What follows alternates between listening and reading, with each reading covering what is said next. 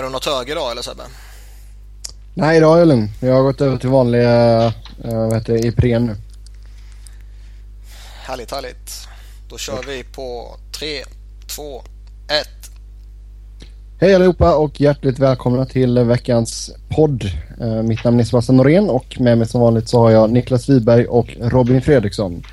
NHL drar snart igång. Vi är dryga veckan ifrån nedsläpp och vi ska göra vår sista preview inför säsongen och Central Division står på schemat. Och som vanligt så kör vi i bokstavsordning och sen avslutar vi med att toppa plus, eh, topp 3 plus eventuella wildcard-lag. Först ut Chicago Blackhawks och eh, man tog in Brad Richards under sommaren och mm, vi förmodar att han blir andra center.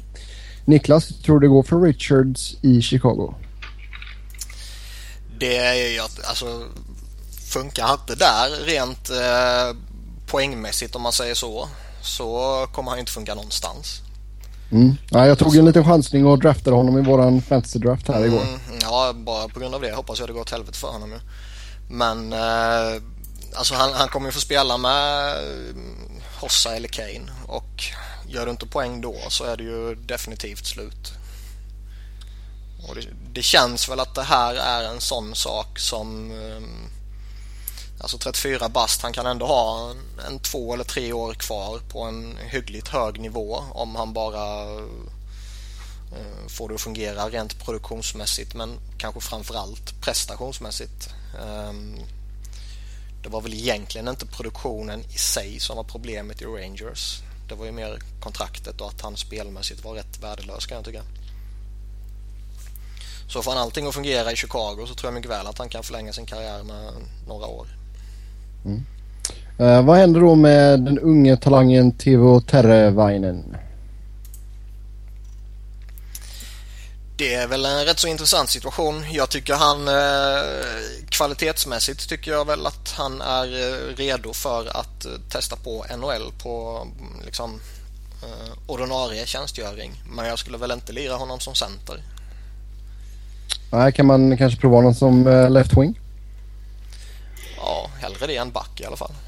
Mm. Niklas, vad tror du om Richards chanser i Chicago? Menar du mig nu? Robin?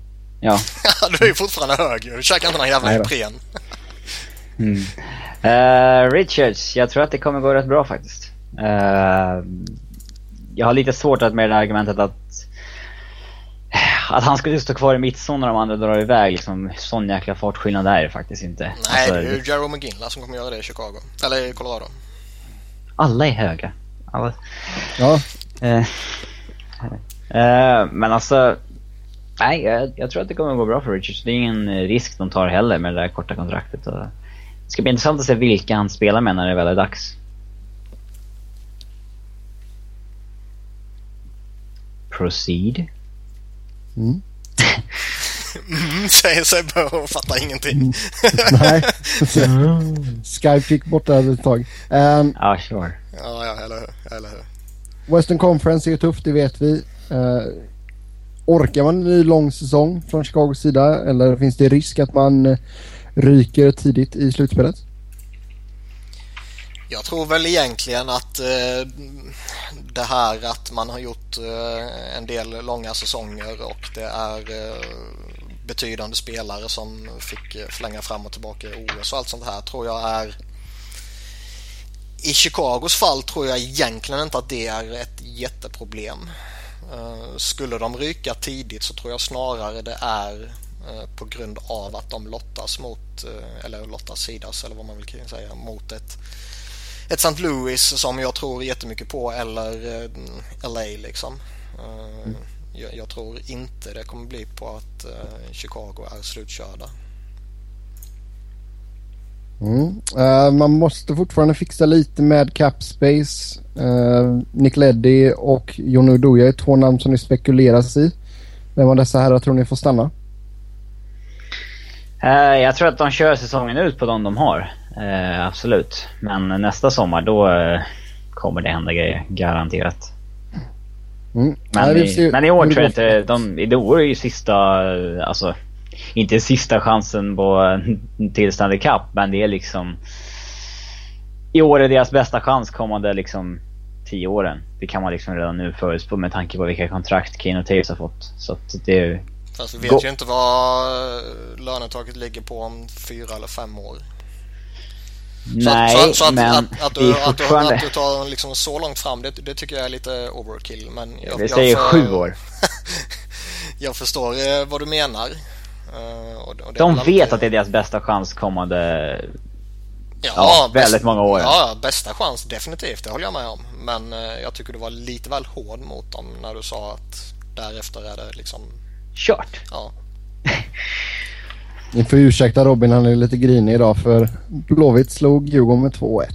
Eh, över till Colorado och eh, där har det blivit lite förändringar också. Bland annat så lämnade ju Paul Stastny, man tradade iväg P.A. Parento. Eh, Sebast Sean Sebastian Chiger tackade för sig. Och in så har Danny Breer, Jerome McGinla och Brad Stewart kommit in. Och man gav Stewart ett nytt tvåårskontrakt eh, på en gång där. Robin, hur känner du inför det? Jag tycker det var extremt korkat. Jag ser ingen som helst anledning till det. Det är en spelare som redan i fjol visade sig ha tappat rejält. Och, eh, ja, det var många som höjde på ögonbrynen när Elfs tradade till sig honom för en ganska värdefull tillgång som ett andra rundsval. Och eh, han hade ett år kvar på kontraktet och jag... Man förlängde ju med både Brad Stewart och Cody McLeod idag. Cody McLeod med tre år och eh, Brad Stewart med två år. Och fattar inte syftet med någon av dem. Jag... Alltså, om man har spelare som är 30 plus som har ett år kvar på kontraktet, varför kan man inte ta en säsong där de får spela för ett nytt kontrakt? Kommer Cody McLeod bli bättre av att han har fyra års trygghet framför sig i en... Alltså i den rollen han har. Han kommer ju runt och glida liksom. Eh, alltså, alltså undermedvetet eller inte, det är klart att det kommer påverka honom negativt. Mm. Och Brad Stewart, alltså visst de tycker att han har sett bra ut på training cap men det fanns liksom ingen anledning att slänga ut ett kontrakt så tidigt. Var de rädda att han skulle vara så jävla grym i år att han skulle höja sina lönekrav enormt eller? Det, det finns liksom ingen som helst anledning. Det finns... Det går inte att hitta någon logisk förklaring till att förlänga ett kontrakt som är utgående på en 34-åring som är ett år kvar. Det finns... Alltså, det finns ingen. Hur ser du på eh, Briere och Ginla då? Eh, Briere klart nedköp från Parento. Inget snack. Eh, uh, I Ginla, det är klart att det är jättebra att få in en sån spelare som, han gjorde ändå 30 mål i fjol och uh, att det är tredje år på kontraktet stör mig inte särskilt. Det är en spelare som varit frisk hela, hela, ja, hela karriären i stort sett. Och det är klart att han kommer det kommer börja synas sen, förr eller senare att han har haft en krävande roll. Men ehm, alltså när man tappade Stasny och sådär, att man ändå fick in en riktigt bra topp 6 forward. Det är ändå, ja, det var ändå bra, bra agerat. Eh, den kan jag köpa, garanterat. Mm. Eh, hur skulle du formera topp 6 eh, i nuläget? Eh, jag var en av dem som skulle sätta Ryan O'Reilly som center. Eh, jag är inte alls eh, överens med Ra om att han ska spela winger. Han är den sista av centrarna jag skulle sätta som winger. Jag skulle ha Matt Duchene med uh, McGinn och, uh, eller McKinnon menar jag. Och uh, ja, jag vet inte vem det blir men uh, jag skulle väl ha Ginla med McKinnon och Duchene och sen så skulle jag väl ha Ryan O'Reilly med Landeskog och mm, McGinn eller Briere, det beror lite på vem som... Eller Tangay förmodligen. Tangay blir det väl. Det var han jag glömde bort när jag letade efter namn. Men eh, ja, det är de jag skulle sätta i topp 6. Mm. Och eh, hur tycker du? Alltså det var ju mycket snack inför förra säsongen om eh, backuppsättningen. Ser det bättre ut inför denna säsongen? Mm, det enda skillnaden är egentligen att Brad Stewart har kommit in istället för André Benoit. Eh, det är väl en marginell förbättring kan jag tycka. Men inget speciellt så. Eh, den stora förbättringen ligger väl i att Tyson Barry förhoppningsvis är den spelaren han var från nyår och framåt hela säsongen. Till skillnad från i fjol när han var det halva säsongen. Mm. Eh, det är väl den enda riktig förhoppningen om att backsidan ska vara en, ja, bättre i år. Man signade Zach Redman som ja, många tror kan vara ett fynd, men det är liksom det är inget man kan eh, luta sig mot. Mm. Och sen har man eh, spindelninjan längst bak i mål, Varlamov, och han lär väl hålla uppe sin, sitt fina spel. Ja, ja, jag tror han kommer ner på jorden lite. Han var lite omålbart bra i fjol med tanke på vilket försvar han hade framför sig. Just där. Jag tror han kommer komma ner på jorden lite, men jag tycker fortfarande att det är en topp top 5 målvakt i NHL. Så att eh, där är jag helt klart nöjd. Uh, men jag tror att de är ett sämre lag än i, i fjol när vi summerar säsongen. Mm. Niklas, har du några tankar om Colorado eller har Robin sagt allt? Nej, han har väl sagt det jag har berättat för honom tidigare liksom. Uh, jag skulle väl också lira uh, Ryan O'Reilly som center. Jag tycker det är... Han är en för bra tvåvägscenter och en för stor tillgång just defensivt för att inte lira honom som center. Och medan Robin klankar vidare på sitt tangentbord så går vi vidare till Dallas. Och eh, där har man ju haft en ganska imponerande sommar. Man har tagit in lite sköna namn, bland annat eh, Jason Spetsa och Ales Hemski. Är detta Dallas-laget på riktigt nu, Niklas? Det är svårt så tillvida att tittar man bara på deras lag så ser det ju sjukt spännande ut. Och jag tycker verkligen att de eh, har tagit nästa steg liksom. Eh, dels eh, det de visade förra säsongen men framförallt det de visade förra säsongen kombinerat med de här värvningarna. Eh, jag tror ju Spetsa kommer bli ett lyft för Dallas. Eh, jag tror att är en bra värvning för dem oavsett om han får spela med spetsar eller om han spelar med eh, Jamie Benn och Tyler Seguin i första kedjan. Så det, där ser jag inte några problem. Um, vi har väl pratat lite om, om försvaret tidigare program och lite så här och det är väl lite lite frågetecken där. Sergej Gonchar behöver väl eh, lyfta sig ett snäpp om det ska se eh, okej okay ut liksom. I övrigt så är det lite skakigt men Alltså tittar man på deras lag så tycker jag det ser bra ut och, och, allt vad det innebär. Däremot sätter man in det i sammanhanget med vad Central Division innebär och vad Western Conference innebär så blir det ju skitsvårt för dem. Mm. Men det blir inte svårt för dem baserat på att de själva är ett begränsat lag utan det blir ju svårt för dem baserat på att de konkurrerar med Blues och Chicago, Colorado, Anaheim, LA liksom. Mm. Hade de spelat i Metropolitan hade jag satt dem som tvåa. Men ah. i Central de kan komma femma liksom. Det, det blir ett getingbo utan dess like. Mm. Ja, eh, vad, vad, tror du då Robin? Tror du att man kommer lira Hemski och spetsa ihop eller? Eh, ja. Det skulle förvåna mig oerhört mycket annars. Ben och mm. Sagan, Spetsa och Hemski. Vem hade du pillat in eh, med Spetsa och Hemski? Antingen Eric Cole eller eh, uh, Valerie Nitushkin. Vem, vem som spelar i vilken kedja av de två, det, ja, det är väl lite sak samma. Det, de får väl testa sig till vem som passar, passar bäst där. Mm. Men de har en intressant bottom six också. Det har de inte haft tidigare år. Där har de alltid haft svaghet. Men de har Ryan Garbert, Anton Rosell, eh, visserligen ingen Rich Peverly nu då, men eh, de har, alltså en Sean Horkoff som tredje center är ändå rätt stabilt. Eh, de har en eh, mycket intressant forwardsutrustning. Mm. Och fortfarande oerhört fula tröjor. Minnesota då. Där har det varit lite eh, snack i media nu om eh, Josh Hardings skada. Det var tydligen något, något form av bråk med någon lagkamrat och så sparkade han en dörr och så bröt han foten. Så nu är han borta ett tag. Så då signar man Darcy Kemper och eh, vem kommer stå i mål för Minnesota denna säsongen egentligen? Kemper tror jag. Det känns väl som att det kommer vara en, eh, en, en faslig variation där. Mm. Harding är väl borta en, en, en längre tid nu som, om jag har förstått saken rätt så han kan man väl räkna bort eh, den närmsta tiden i alla fall. Um, Bäckström är nästan slut. Det var ju kanske Bäck, med... Ja, Bäckström är ju nästan slut och när han uh, han signade trodde jag han hade lite kvar i tanken men det visade sig att han inte hade. Faktiskt. Nej, det, dels det och dels så är ju skadeproblemen alldeles uppenbara. Mm. Så det, det är inte bara det att han kvalitetsmässigt har tragglat av lite. Han har ju fortfarande skadeproblem som, som är eh, jävligt jobbiga att hantera. Ehm, sen samtidigt så kommer han ju få sina matcher, det är jag helt övertygad om. Uh, Darcy Kemper kommer spela också. Uh, vad händer med Ilja Brusgalov till exempel? Eh, så det, det, känns som att det mycket väl kan vara lite, lite, lite osäkerhet där och lite allmänt kaos. Och går helt plötsligt Johan Gustafsson in och gör det bra i AHL så vet man aldrig om han får chansen heller.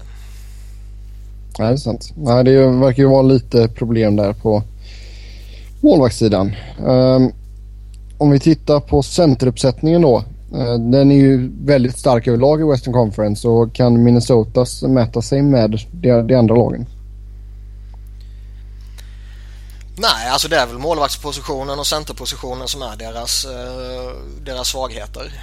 Ehm, Mikko Koivu tycker jag är, eh, är bra och jag tycker han är tillräckligt bra för att kunna mäta sig med de andra lagen. Men Mikael Granlund är fortfarande så pass grön att man inte riktigt kan jämföra centerbesättningen med, eh, med de andra konkurrenternas även om han var sjukt grym i, i slutspelet. Mm. Ja, fortfarande lite valpig men det, det lär ju bli bättre. Sen, eh, ja, om vi tittar på ledarna. Zach Parisi, Ryan Suter. Det är ju de två bärande spelarna. Um, kommer Suder orka att spela 35 minuter varje match hela säsongen plus ett slutspel? Ja. Han har vant sig vid att göra det nu för det här laget. Det, han har jag inga... Ja, alltså. Han är ju så pass gynnsam spelstil så att han inte alltså rent fysiskt dras ner av att spela 30-35 minuter på en match. Han har lärt sig göra det helt enkelt. Det... Däremot jag, jag skulle inte göra det för jag tycker inte det är bra. Um, alltså han snittade 29,5 minuter under grundserien. Kan man få ner honom till att snitta 25 minuter bara och liksom 25 minuter är ändå rätt mycket. Men kan man få ner dem, hans speltid med 5 minuter per match så kommer det göra alldeles otroligt mycket framåt slutet på säsongen i ett slutspel tror jag. De har ju lite starkare backsida nu än de hade för något, eh, när liksom Suri kom in då förstod jag att då var man nästan tvungen att pressa en bit över halvtimmen för att liksom ens, ja, ha en hållbar backsida. Men mm. nu har man Jonas Brodin, man har Christian Folin som lite dark horse till att vara ett av årets liksom rookies och Jared Spurgeon har ändå växt ut till någon som, ja, man kan lita på och Ja, det, de har... Matt Dumba vet man inte riktigt heller vad det blir där. Det, Nej, det, kan de... bli riktigt bra över 82 matcher. Mm. Mm. Sen sommarens stora de gjorde sen, det var ju att ta in Thomas Vanek. Hur tror vi går för Vanek i Minnesota? Det är bra. 30 målskytt typ. Mm. Inga... Den stilen, det är väl det han eh, är och har alltid varit ungefär. En streaky 30 målskytt som eh, kommer vara väldigt het vissa perioder och väldigt kall vissa andra. Men över 82 matcher så får man sina 30 mål och 70 poäng typ. Mm. De ska vara jävligt yes. nöjda med kontraktet i alla fall. Mm. Att bara få honom på tre år är ju eh, ett fynd. Ja, han ger upp massa pengar där alltså. Det, hade han... Eh, alltså, han, det kontraktet han kan få om tre år kanske inte alls är vad han hade kunnat få nu i somras. Om vi bara liksom ser lönen de åren efter, år tre. Mm. Ja, det är sant. Ja, vi får se. Han ville väl, eh, ja, quote on quote hem. Um, då går vi vidare till Nashville och en... Um, tror vi vi får se en Pekka Rinne som är tillbaka i ordentlig form nu. Han hade ju problem med Ebola i höften och det tog ju bort uh, nästan en hel säsong för honom. Uh, vad jag har hört om den här skadan är det en skada som liksom aldrig blir riktigt bra. Att det är en skada som verkligen ger men. Och det är ju inte... Det är ju inte bra för Rinne såklart. Ja. Och nu sa jag ebola, jag menar E. coli. Ja, Ebola-smittad Pekarinne. Ja, det var det, var det jag... Ja, ja. mitt fel där. E. coli. Säg det, du är fortfarande hög. Det är inte så jäkla farfetched ändå. Ebola Men det, det är ju, och coli. Det är ju liksom en höftkula som... Ja, Jag vet inte hur jag ska förklara det men eh, själva skålen som häftkulan ligger i blir inte liksom den blir liksom inte så rund som den var tidigare utan det är liksom lite buckligt och skrovligt där. Man rör sig inte lika smidigt längre. Och det är, ju- det är ju ganska jobb... det är gan- Kanske inte smärtsamt men det är, det är inte lika atletiskt som det var tidigare. Och är man hockeymålvakt kanske är det ganska viktigt. Framförallt när man är så stor som han är. Ja. Nu börjar han bli Nej. orörlig och grejer. Så visst, han är fortfarande så pass skicklig i grunden. Är fortfarande så pass stor så han kommer vara en helt okej målvakt. Men eh, han har ett, ett kontrakt som ändå säger att han ska vara en av ligans bästa målvakter. Och han Så behöver han ska vara vara topp det i tre, typ? Ja, och han behöver ju verkligen vara det i det här laget. Framförallt i det här laget under Peter Laviolette. Mm, nu är det running gun style. För Han, han, jag, jag tror fortfarande han kommer vara en helt okej målvakt. Sen som, som Dr. Fredriksson säger här så eh, är det väl mycket som talar för att skadan kommer, kommer påverka han till viss del. Sen får man se hur mycket det blir. Det stora problemet jag ser med honom är väl däremot inte skade, skadorna här så länge han inte går sönder igen då. Utan det stora problemet är ju att han och inte bara han utan hela försvaret egentligen kommer exponeras på ett sätt som de inte exponerades eh, de tidigare åren. Mm. Ja, du har ju lite kunskaper om Laviolette där som har tagit det här som coach. Så tror du att det kommer bli en alltså, riktigt rejäl omställning i spelsystem? Nej, inte liksom Alltså sådär. från trots så är ju en ganska rejäl. Ja, Men det är det. att- Men, men man måste ju ändå fortfarande titta på laget som finns. Eh, jag ser alltså lag... Ja, lite som med eh, Rangers när uh, Vigneault kom in. Att de slutar inte täcka skott helt plötsligt. De där har ju det i sig. Nej, men de har det Eh. i sig. Jag menar, la- lagbygget som han fick ta över är ju inte byggt för Peter Laviolette liksom. Utan det finns ju extremt få spelare där som verkligen känns som eh, urtypen för en Peter Laviolette-spelare. Eh, nu fick de ju ta in lite sådana där eh, spelare, kanske framförallt på grund av en, en skadesituation och så här. Men liksom det var en Mike Ribeiro och jag menar han kommer ju inte bära Nashville till några stordåd. Gör James Neal till en 40-målsskytt. Uh, alltså det är intressant att de tar in Fisher, Rivero och Ro- eh, Derek Roy. Eh, och hoppas att åtminstone en av dem ska bli någonting vettigt. Eh, Och Lee Jokinen menar du? ja, Jokinen, uh, Rivero och Roy. Eh, alltså, minst en av dem kommer ju vara wavad inom tre månader. ja, typ. Alltså minst en. Ja. För att de har många centra nu. Det är en... Alltså Matt Cullen ska spela, Colin Wilson ska spela och Fischer ska spela när han är tillbaka. Så Gostov har ju sin plats som fjärde center. Och, så att, eh, ja. Fördelen de har där är väl att många spelare kan kliva ut på en kant också. Ja, då slipper de spela en Eric Nyström i topp 6 och sådär. Mm. Det är väl en fördel. En, eh, en lyx som Nashville inte haft tidigare. Faktiskt. Om vi tittar på Nashville också så har ju de en del svenskar i laget. Och hur, hur tror vi det kommer gå för våra landsmän? Eh, Foppa, eller Fake Foppa kommer i alla fall få sina, sina matcher tror jag.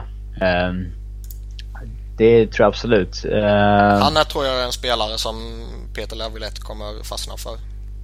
mm. Sen kanske han inte slängs in i första kedjan liksom, men jag tror han kommer få sina chanser. Eh, Jag skulle, om jag var dem, ändå vara nyfiken på vad Viktor Arvidsson kan göra. För det är ändå en spelare som, trots sin size, han var ändå liksom en dominerande spelare i elitserien. Och eh, han gjorde över 40 poäng där. Det är, det är inget snack om att han... SHL menar du? Ja, alltså han, han spelade i och för sig i... Ja, det beror på när man räknar namnbytet, men okej. Ja, ja. Eh, ja, Pontus Åberg. Det beror lite på hur han börjar i AHL, men hade han varit kvar i SHL så hade han varit den ligans bästa winger den här säsongen kanske. Så att eh, det är lite wildcard. Patrik Selin kommer aldrig nå NHL-spel. Eh, Johan Alm eventuellt några matcher. Magnus Hellberg, ja han är nog uppe och vänder någon vända till. Mm. Kalle Järnkrok? Eh, han lär spela från start i NHL och spela där konstant tror jag. Och eh, sen finns, har vi även Mattias Ekholm och eh, Viktor Stålberg. Mm. Stålberg bör ju få ett lyft från trots till Laviolette tycker man. Ja. Mm, lite oturligt för honom så åkte han ju på en skada här nu. Mm. Trist såklart. Mm. Men, eh, ja. Han, han tror jag får ett lyft under Laviolette helt enkelt. Ekholm tror jag också får ett lyft under Laviolette enbart för att det var en sån otrolig missfit med trots. Nej men klart han tror jag också kommer passa in där. Eh, uh, Laviolette vill ju vill ju gärna att backarna går offensivt och uh, han vill ju liksom att Niklas Grossman och Luke Chen och alla de här skulle pincha in också liksom. Uh, där tror jag väl en sån som Mattias Ekholm kommer, kommer gynnas av det givetvis ju. Mm. Jag tror en sån som Stålberg definitivt kommer passa in under honom i någon form av roll där. Um, lite som jag sa med Forsberg så tror jag väl att Kalle Järnkrok också kommer, kommer gynnas av, av den förmodade uh, nya spelstilen. Yes. Ja, tuff division men vi får se vad Nashville kan hitta på. Sista frågan angående Nashville. Eh, James Neal, kommer han komma upp i 35-40 mål i Nashville? Ja, fan svårt att se det ändå alltså. Det är, om inte Järnkrok får en jätteutveckling och blir hans center liksom. Utan, alltså, jag, jag... Vem, vem ska ge honom pucken liksom? Jag har svårt att... Ja, ja. Mike, Mike Ribeiro i powerplay. Ja, men hur, alltså hur mycket powerplay kan man, powerplay-poäng kan man göra på en säsong? Det är inte så mycket som spelarna gör, som man tror egentligen. Nej. Ja, jag tror väl att det finns rätt... Eh, jag skulle inte utesluta att han blir en 35-40 målsskytt för han är ju en, en spelare som jag tycker inte är extremt, extremt, extremt beroende av en center som serverar honom. Utan han är rätt duktig på att liksom snatta till här och där eller plocka upp en puck efter en tekning och bara trycka in liksom. Men det måste ju vara någon form av... Eh, alltså att man ser någon form av effekt av att han inte längre spelar med Malkin utan spelar med Jokinen. Vad har du emot Jokinen? Äh.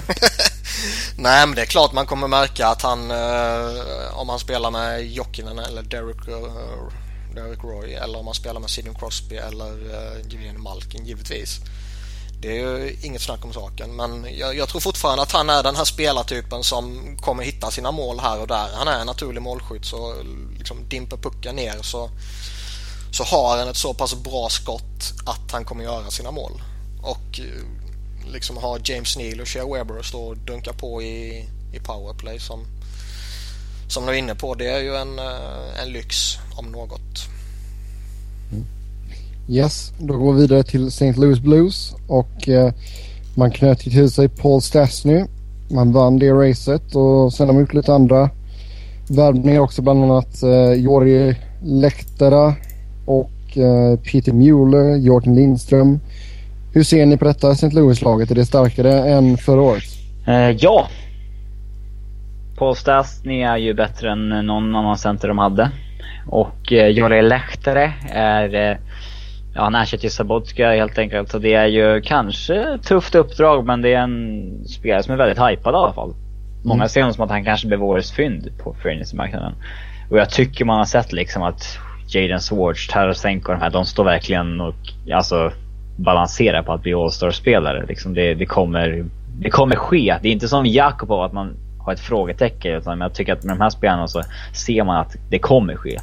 Uh, uh, Backsidan tycker jag är svinbra. Alltså Pietrangelo Bomis som första backpar och Shattenkirk Gunnarsson. Det går lite alltså, snack nu att de kommer lira Gunnarsson med Pietrangelo och Shattenkirk Boomeister. Mm. Ja, det, det, är väl, det, det är väl skitsamma egentligen. Backbesättningen ja. är grym oavsett vilket. Men! Men! Alltså Jake Allen, Brian Elliott, det är kanske... Alltså det är en det är bara nog bara Winnipeg som har sämre målvaktssida liksom. Eller Minnesota har visserligen lite frågetecken men... Grejen är att man, man, man kan väl argumentera fram och tillbaka hur eh, dålig den är. Det man, och där kommer folk alltid tycka olika. Eh, det man kan enas om tycker jag är ju att det inte är en målvaktsbesättning värdig ett så pass bra lag som Blues ändå är. Det finns inget säkert kort där.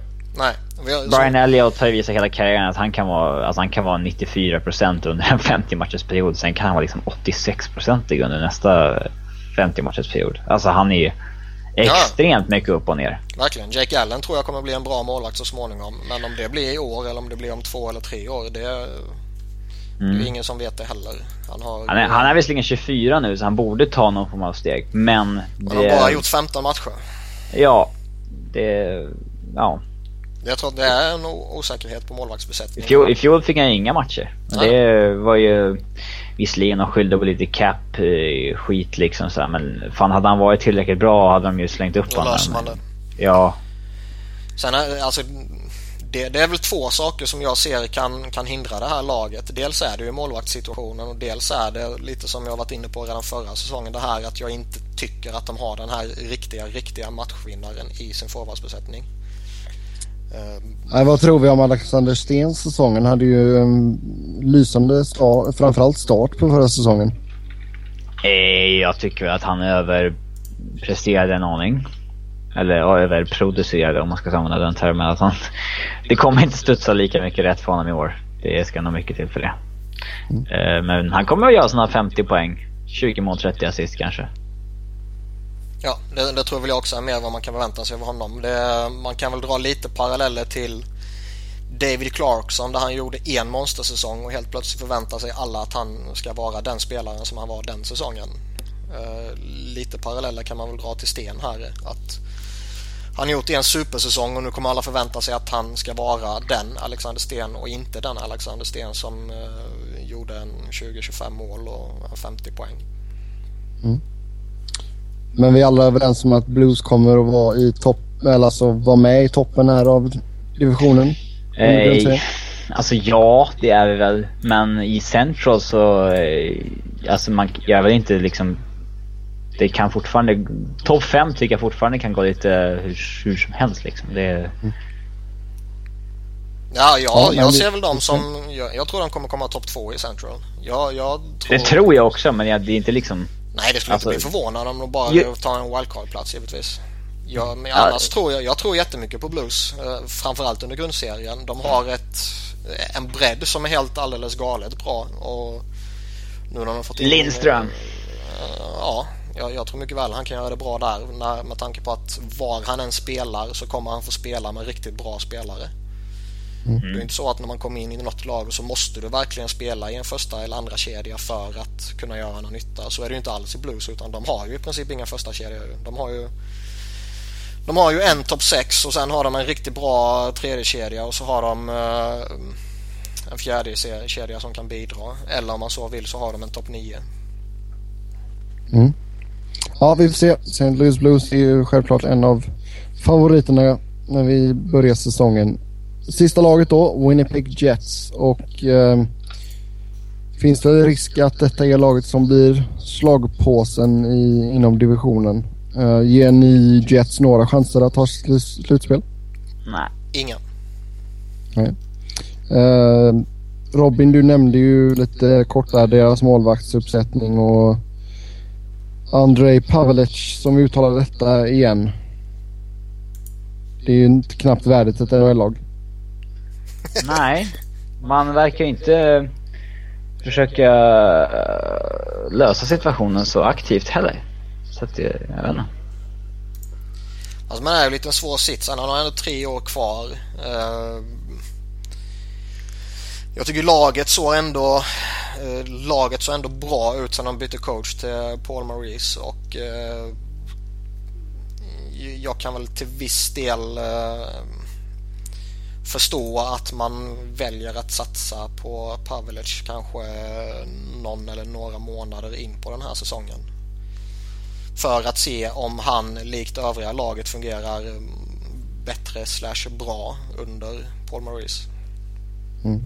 Ja, det har varit snack innan om att man kanske skulle, borde trada iväg Evander Kane. Um, borde? Det vet fan. Ja. Men. Ja, men med tanke på att det har varit lite struligt och sådär utanför plan och att han kan vara ett orosmoment i omklädningsrummet. Det är, det är ju inte någon som skulle kunna ge ett hyfsat utbyte i alla fall. Oh ja. Det är ingen snack om saken. Det, pra, det pratas ju lite om att det är lite eh, överhypat de här problemen som sägs finnas så att det inte är så, så farligt egentligen. Att det blåses upp lite och eh, jag tror väl det ligger lite sanning i att det blåses upp lite men eh, jag tror väl också att det i allra högsta grad finns någon form av problematik där. Mm.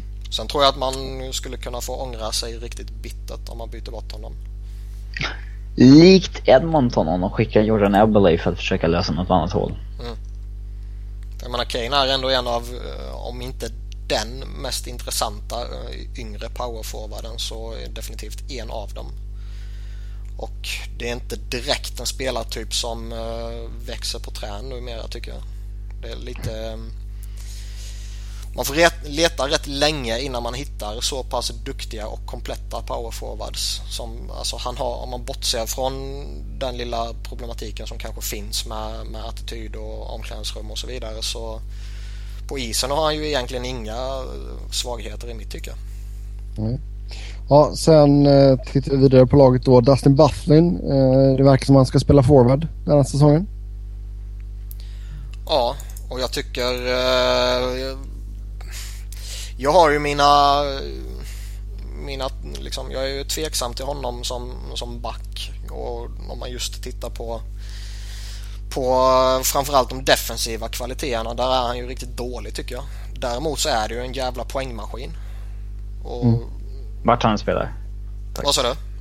Vart han än spelar så är han ju poängmaskin. Så är det, men sen samtidigt så han kan mycket väl hamna i en tredje kedja i, om man ska spela forward.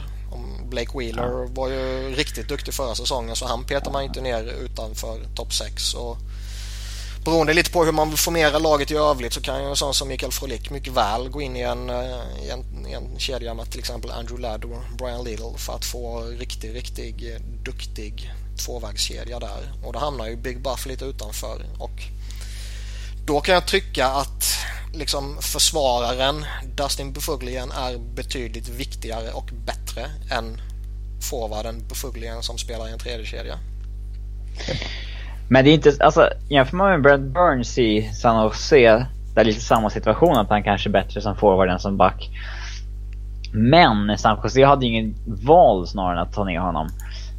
Winnipeg, de har två högerfattade backar som kan spela top 4 minuter. Det är Zappa Bogosian och Jacob Truba. De har egentligen inget behov av Bufflin som back på högersidan. Egentligen. Nej, det håller jag med om. Jag, jag, menar mer att det är liksom ett jävla slöseri att sätta honom i en tredje kedja. Ja, men jag tror inte att Michael Frolik skulle gå före. Alltså det, det känns långsökt i dagsläget. Eh, det är mycket möjligt men, men, man kan få en riktigt, riktigt bra kedja med Little Lad och Frolik eh, som man verkligen kan matcha mot toppspelare. Mm, nej, vi får se. Eh, börjar bli lite orolig att jag behöll Bufflin i fantasyn som en av mina keepers. Eh nej, i fantasy-sammanhang är han ju alltid bra. Okay, han, bra. Han, han, tar utvisningar, han skjuter jättemycket skott, han tacklar och... Ja, bra, då kan jag andas ut. Um, jag tycker du ska nämnde... droppa honom. Ja, tvek på den då. Uh, ska vi se om min hund slutar försöka slicka på micken här så tänkte jag, vi kan ju nämna Truba då och även Shifley. Det är ju två av de lite yngre förmågorna som Winnipeg har och hur ser ni på deras fortsatta utveckling? Ta det lugnt med Rooney nu. Det är Figgis faktiskt som håller på här. jag, eh, alltså Mark Scheifel var väl eh, om han, om han inte hade ett genombrott förra säsongen så var han ju definitivt på god väg att få ett genombrott. Eh, det beror väl på lite hur man definierar ett genombrott och om man tycker att han var tillräckligt bra över tillräckligt lång tid för att man ska slå fast det som ett genombrott. Eh, han kommer definitivt så småningom bli en riktigt duktig center. Men han är väl inte riktigt där ännu. Eh, samma sak kan väl sägas om Truba. Eh, visar jättemycket som säger att han var på väg mot ett definitivt genombrott eller att han till och med slog igenom. Eh, Sen är det ju alltid med lite yngre backar att man, man ska ta av det lite chill efter första säsongen. Uh, det mm. finns alltid rätt stor risk att man kommer in i en sophomore slump just som back. Det var sant. Och sen har vi ju Tobias Enström som ensam svensk. Ja, och han var bättre förr än vad han är nu. Nu känns det som att han fortfarande lever på det ryktet han hade för några år sedan om att han var underskattad. Ja, men han fick ett, ett lyft under säsongen i år. Eh, det snackades ju om att Winnipeg försökte trade honom i början på säsongen, men då var det jäkligt svårt att hitta en tradepartner. Men sen när han fick ett lyft mot slutet på året, då var det många som ringde, men då ville inte Winnipeg släppa honom längre. Um, men det var många som lyfte Jag vet inte om det var för att han satte med Bufflin, eller Bufflin togs bort från honom som var, gjorde lyftet. Jag kommer inte ihåg hur det var, men det var någon ändring i matchningen som gjorde att Enström växte rätt rejält. Mm. Ja, vi får se hur det går för Winnipeg. Um, vi ska även se vart de hamnar nu när vi ska ta och tippa Central Division. Mm. Och, Glöm inte eh, Kalle uh, Klingberg för övrigt. Han är kvar. Ja, men tror du han tar en plats då? Nej. Nej. Uh, Robin, du får börja. Ska jag tippa? Den ja. centrala divisionen. Mm. Yes. På första plats så har jag valt ut Chicago Blackhawks. Chicago Blackhawks, the paw. Ja. På andra plats så har jag St. Louis Blues. St. Louis Blues. The Blues. Eh, på tredje plats så har jag Dallas Stars. På fjärde plats så har jag Minnesota Wild. På femte plats Colorado Avalanche. Sjätte plats Nashville, sjunde plats Winnipeg. Men jag tror att bägge wildcardsen hamnar i central så att både Minnesota och Colorado får en playoff-plats. Mm. Niklas? Jag äh, sätter Blues i topp följt av Chicago. Äh, sen tror jag Colorado kommer lyckas knipa den där platsen. Äh, det vore skoj om de äh, floppar Mest för att jag vill spela in massa podcast och prata om hur dåliga de är. Um... Det var inte roligare om de gör succé igen när alla fancy Stats-folk eh, tycker att nej nu måste de falla, nu måste de falla för att de hade sån tur i fjol.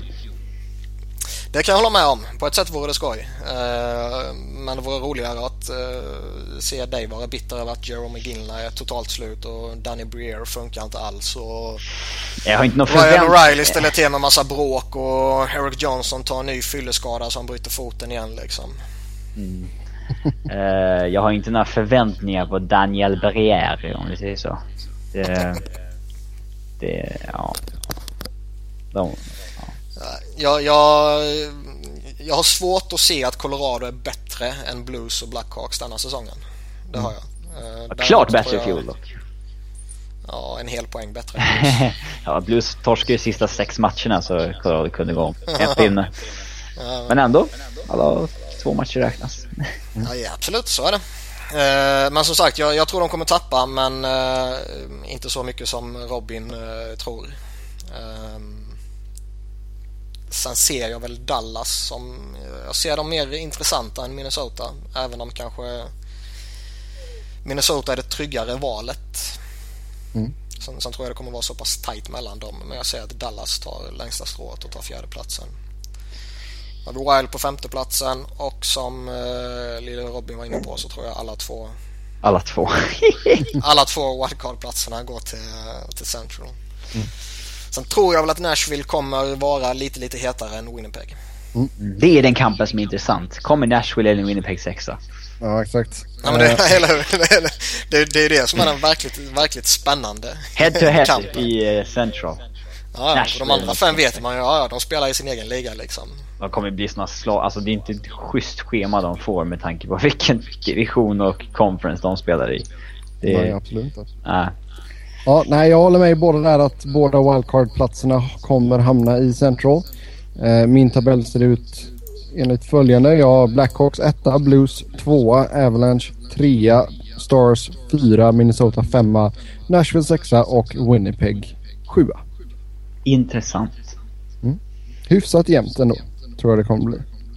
Jag tror att Chicago och Blues kan ha lite poäng ner till trean. Eh, alltså 7-8 poäng kanske. Mm. Men sen så kommer det vara ruskigt tight mellan 3, 4, 5. Ja. Eh, men jag tror att om vi ska jämföra hur mycket, fem, alltså hur mycket poäng lag, femte laget kommer ha i jämförelse med fjärde i Pacific när det gäller wildcard-platsen så tror jag att det kanske skiljer en fem poäng där. Eh, jag tror att, ja, kom in Vancouver hade jag tippat som fyra i... i alltså jag tror det kan Pacific, bli mer alltså. Mer? Mm, jag, ser, jag tänker säga åtta. Liksom, om, vi om vi säger att Vancouver lag som kommer fyra i Pacific. De har ju ändå Calgary och Edmonton att möta i sin division. Det är, och Fi, eller Arizona. Så det, mm, det är, det är lite, lite fler eventuella gra, gratispoäng i Pacific. Mm. Lite fler. Lite fler. Vi får se. Lite tyngre powerhouse också i Blues och Chicago. Svårt att stjäla poäng där. Ja. Ja, det var våra previews. Eh, ni får gärna komma med era tippningar på hur divisionen kommer sluta i kommentarsfältet. Som vanligt så vill ni köta hockey med oss går det bra att göra det via Twitter. Mig hittar ni på att Noren, Niklas på att Niklas Iberg, Niklas med C och enkel V. Och Robin hittar ni på R underscore Fredriksson. Så tills nästa gång, ha det så gött. Hej då! Hej hej!